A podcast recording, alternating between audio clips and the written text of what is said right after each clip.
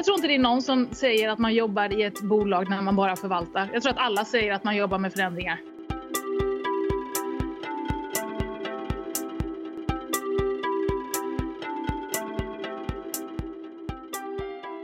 Hej och varmt välkomna till ett nytt avsnitt av podden Framtidskraft. Jag heter Karin Bodén. Och jag heter Daniel Löfstedt.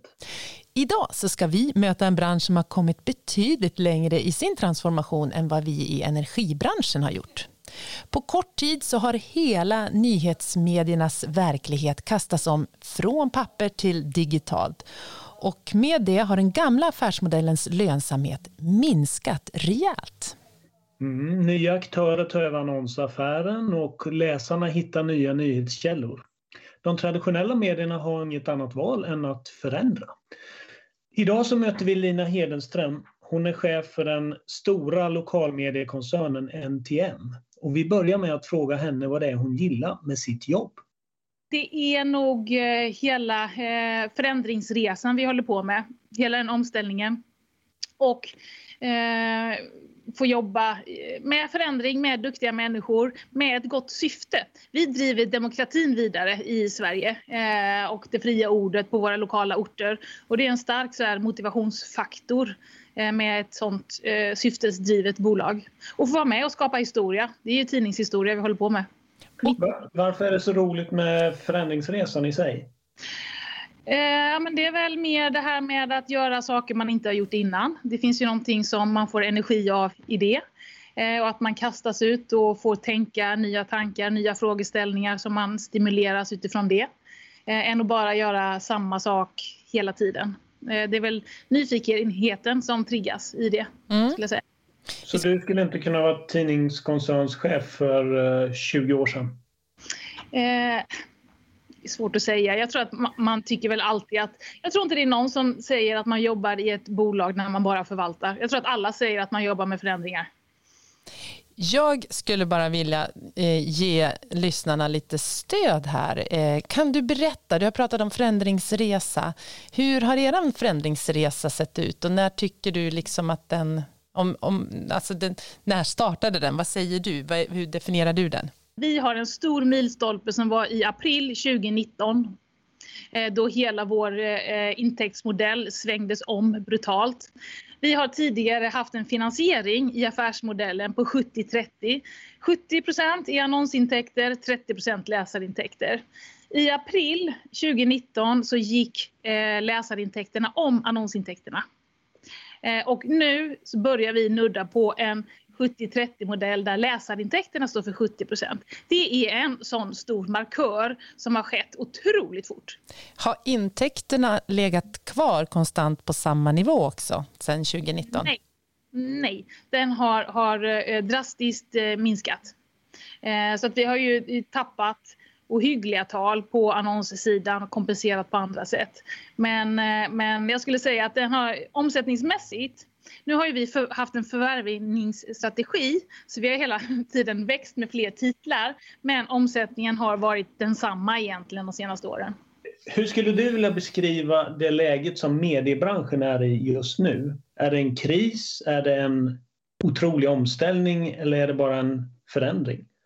Nej, men jag skulle nog säga att det är en otrolig omställning. Eh, kris, lite tråkigt eh, ord. Jag, jag, tror ju ändå på, på eh, media, jag tror på nyhetsmedia, jag tror framförallt på lokalmedia. Eh, jag tror att alla som är uppvuxen med en, en lokaltidning vet att man, man, gör saker för samhället och de har en ganska stark eh, ställning i det lokala samhället. Sen har det ju hänt otroligt mycket med sociala medier och det är andra aktörer som slår bort benen på oss från gamla sätt att tjäna pengar och så vidare. Men själva uppdraget att komma ut, bevaka, granska eh, lokalt det har vi alltid med oss och det kommer egentligen aldrig att eh, förändras. Sen måste vi hitta nya sätt att nå ut, hitta nya målgrupper. Jag menar, kolla på ungdomar idag. Det första de gör när de flyttar hemifrån det är inte att teckna en tidningsprenumeration som man kanske gjorde förr. Eller jag vill tro att man gjorde så förr i alla fall. Men vi måste därmed hitta andra vägar att nå dem. Mm. Eh, dessutom så är det så att ungdomar idag konsumerar precis lika mycket nyheter som vi gjorde när vi var mindre. Eh, så att man tror det här med att ungdomar inte läser tidningar eller tittar på nyheterna. Nej, men de får till sig eh, nyheter på andra sätt. Och, och vad, er, vad, blir er strategi då om ni märker att ni tappar marknadsandelar? Eh, vad, vad, vad, blir er strategi? Hur möter ni upp det? Ja, men vi har ju alltid haft så här. Mm, vi ska försöka hitta våra läsare där de är. Mm, och då är det ju hela den här hatkärleken med Facebook och Google och, och eh, som tar annonspengarna, de vill ha allting gratis men de vill inte ge någonting tillbaka. Eh, men då använder vi dem så att möta vår publik där som vi inte har redan och försöker lotsa in dem till oss. Så att vi använder ju eh, sociala medier som en trafikdrivare eh, till oss. Eh, och samtidigt så tittar vi ju såklart på det här med eh, snabba flöden, snabba uppdateringar, att man liksom konsumerar en digital, har en digital konsumtion som ser annorlunda ut.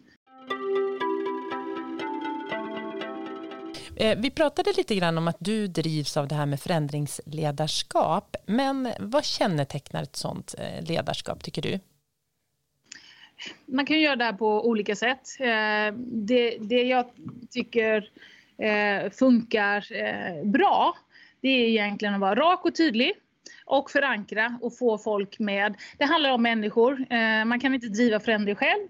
Man kan inte komma uppifrån och säga nu ska vi, nu ska vi ditåt och så räknar med att alla gör det. Man måste förstå varför, man måste ha motivation, man måste se vad är det jag bidrar i för att komma just ditåt. Eh, så att det är ett otroligt sådär förankringsarbete som man nog inte kan underskatta överhuvudtaget. Sen tror jag på transparens när det gäller information eh, och en tydlighet i vart vi ska. Hur, hur, eh, hur blir man rak och tydlig i en förändring som ledare? Vad handlar den, eh, den tydligheten om? Ja, men jag tror att dels, alltså man brukar alltid snacka om vad, vad har vi för vision och mission och värderingar och allting det där. Som kan bli ganska eh, mycket en powerpoint-slide. Eh, jag tror att man måste jobba med det här och bryta ner det och bli ganska konkret på vad innebär det för mig. Eh, och det är ganska mycket jobb i det, att få med eh, alla på tåget. Men sen är det när det gäller att vara rak och tydlig, det gäller ju bara att hela tiden, du vet så här, fler och fler, mer och mer information och så man börjar kräkas på sin egen röst eller andras röster eller vad det nu kan vara. Men jag tror att det är bara upprepning, repetition. Eh, vi pratar i energibranschen om att eh, det finns en risk att om man inte hoppar på här och är med och är förändringsbenägen så finns det en risk att man står utan intäkter Eh, Eh, när förändringarna har blåst tillräckligt mycket. Om vi tittar i backspegeln, du nämnde här innan att det har varit eh, rätt många år med in, ja, besparingar och vikande intäkter och sådär. Skulle du kunna se att medieaktörer och ni då kanske borde ha agerat annorlunda tidigare för att haka på förändringen och ha ett starkare ekonomiskt eh, läge nu? Ja, men gör man inte alltid så? Jag tror att i allt man gör så borde man ha gjort det här för länge sedan och man borde ha börjat tidigare och man skulle inte gjort det där. Liksom, sådär. Eh, och det tror jag är en del av drivkraften. Eh, mycket är det om man kollar i vår bransch, med tanke på att vi är som en lokalmediebransch, så samarbetar vi väldigt, väldigt mycket med andra lokalmediekoncerner i Sverige för att vi konkurrerar egentligen inte. Utan vi har väldigt öppna och transparenta erfarenhetsutbyten och samarbeten. Eh, och då är det alltid, om det är någon som hoppar på någon fluga kring någonting som gäller eh, vår eh, verksamhet så blir man genast, shit det där borde vi också göra, vi borde göra det nu och varför har vi inte gjort det här tidigare och så börjar man liksom dribbla igång där liksom. Eh, men jag tänker också att eh, allt hinner ikapp i sinom tid på något sätt. Det viktiga är tror jag att hela tiden vara lyhörd inför eh, förändringar och att hela tiden eh, anpassa sig. För att om man gör exakt samma som man gjorde för ett år sedan eh, då, eh, kommer man, då kommer man slås ut. Vad har ni för liksom, utvecklingsutmaningar framför er? Oj, oj, oj. Det är 10 000 kronors fråga. Men vi håller på just nu i alla fall och lägger, vi har en treårsplan på eh, där vi har satt vad, vilket bolag vill vi vara om tre år. Mm. Eh, och du vet, man börjar i den målbilden och sen bryter ner, okej, okay, men hur kommer vi dit och vad krävs för oss att göra det? Mm. Och där är det egentligen att eh, hitta eh, affärsmodellen i läsaraffären att fortsätta med det med yngre målgrupper, med jämställd bevakning, med inkludering, hela den biten som vi ändå tror kommer ge mer eh, intäkter och bättre journalistik helt enkelt som kommer vara relevant för fler. Så kan det... ni särskilja er där eller? Ja, men vi, vi jag vet inte. Eh, vi driver på just nu ett ganska stort jämställdhetsarbete för att få upp det på agendan. Eh, I all nyhetsbevakning, om man läser en tidning eller kollar online eller vad det nu kan vara, eh, så är det så att det är 70% män som antingen är på bilden eller som får uttala sig eller vad det handlar om. Och 30% kvinnor om man hårdrar det. Sen går det att bryta ner det här. Eh, nu har vi dragit in ett system som mäter det här per journalist varje dag hela tiden och följer vi upp det här för att få en mer jämställd bevakning. Det handlar om vilken expert får uttala sig i vissa frågor eller vilka gör man case på eller vad, vad det nu kan vara. Liksom så. Och där driver vi stenhårt det här med jämställdhet för att det passar väl in i våra övriga liksom, värderingar när det gäller demokrati och ett bättre samhälle och allting det. Eh, det driver vi på eh, stenhårt just nu. Det är ju suveränt, vilket bra, jag antar att det är ett digitalt verktyg ni har eh, till er yes. hjälp där, så där har vi ju ja. väldigt bra användningsområde. Mm. Och där, jag vet inte egentligen om det är så här, det, det ser lika dåligt ut för, för hela branschen, mm. men där tänker jag så här, här finns det en strukturell, eh, ett strukturellt problem i samhället.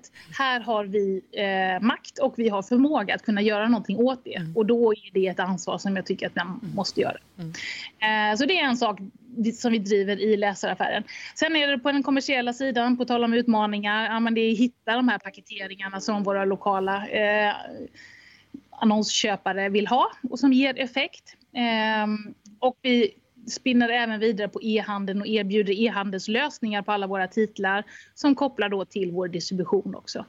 Så det är egentligen i de, de delarna som, som vi driver framåt som vi ska hitta en lönsamhet kring. Då, Lina Hedenström, tack så jättemycket för att du gav, dig, gav oss din tid och eh, bjöd på så många insikter. Mm. Jätteroligt att ha dig med här i podden Framtidskraft. Tack så mycket.